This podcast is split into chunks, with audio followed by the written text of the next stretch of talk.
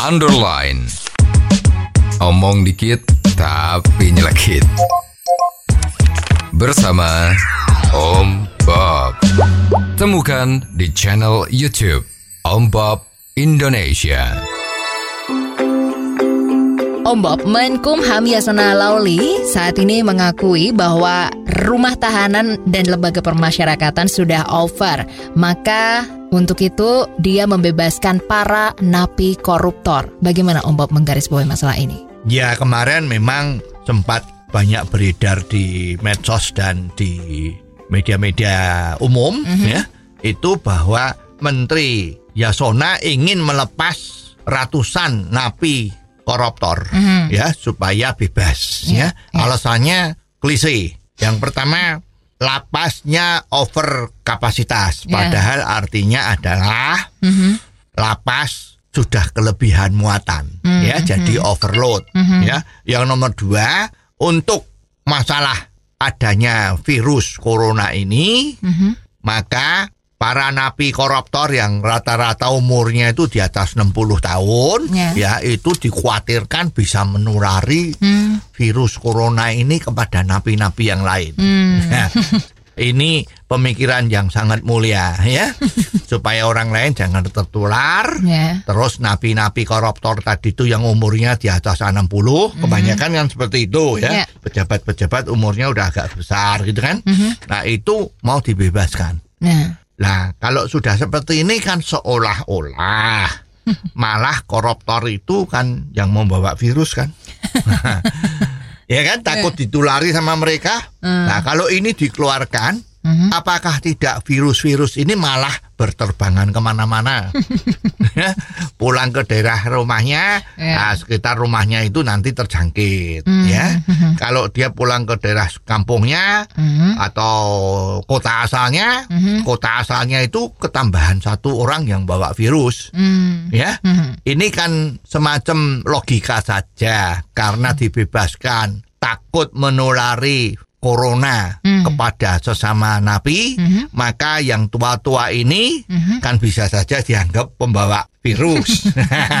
ya, jadi ini kalau memang itu pembawa virus, kenapa malah dibebaskan? Ya. Kan mestinya harus dikarantina kan? Nah ini juga aneh. ya. Tapi apakah memang layak Om Bob napi koruptor ini dibebaskan? Ya, koruptor itu kan termasuk kejahatan yang extraordinary. Mhm. Jadi kejahatan yang serius, Ya. ya. Uang rakyat dimakan, Mhm. ya, untuk kepentingannya sendiri.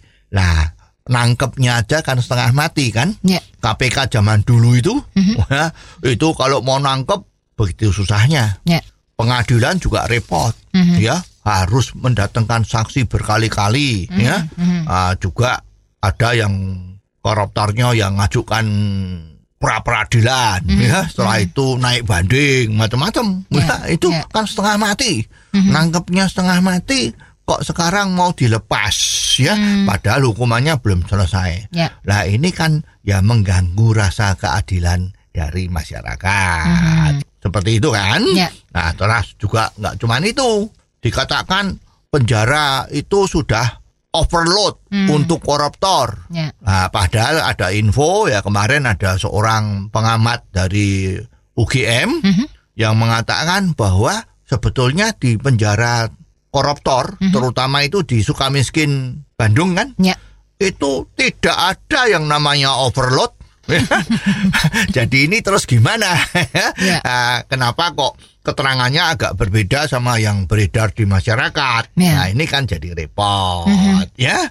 Jadi mestinya ya lebih baik jangan terlalu cepet-cepet, ya. Ini juga rada menjadi pertanyaan dari masyarakat, ya. Sepertinya kok sekarang ini KPK yang dinilai eh, kerjaannya kok juga tidak sehebat KPK yang lalu. Ini kan sudah tiga bulan ini kan tidak ada hiruk pikuk yang namanya OTT. Ya. Terus juga kok sepertinya gaungnya pembebasan narapidana koruptor. Ini kok juga kenceng Ya. ya. Ya. Juga kemarin ada berita yang banyak yang tertuduh atau yang masih ditahan oleh KPK dibebaskan Ya. karena buktinya kurang. Nah, ini kan menjadi tanda tanya yang besar Ya. ya. Mestinya ya hal-hal yang seperti ini harus hati-hati ya. Harus hati-hati kalau memang sudah diperhitungkan mateng, Ya. betul-betul 100% itu memang benar. Tindakannya yang akan diambil nanti adalah tidak melanggar hukum, Ya. tidak melanggar rasa keadilan dari masyarakat, Mhm. baru harus dijalankan. Ya. Ya, ini ada maksud apa juga kita tidak tahu. Semua lagi bingung dengan masalah COVID-19. Mhm. Kok tiba-tiba ada berita-berita seperti ini ya? Apakah supaya berita-berita seperti ini tenggelam oleh berita-berita COVID-19? Hmm. Ya, walahu alam. Oh, jadi begitu ya Om Bob. Jelas deh sekarang. Terima kasih Om Bob untuk waktunya. Sampai ketemu lagi di waktu yang akan datang. Underline.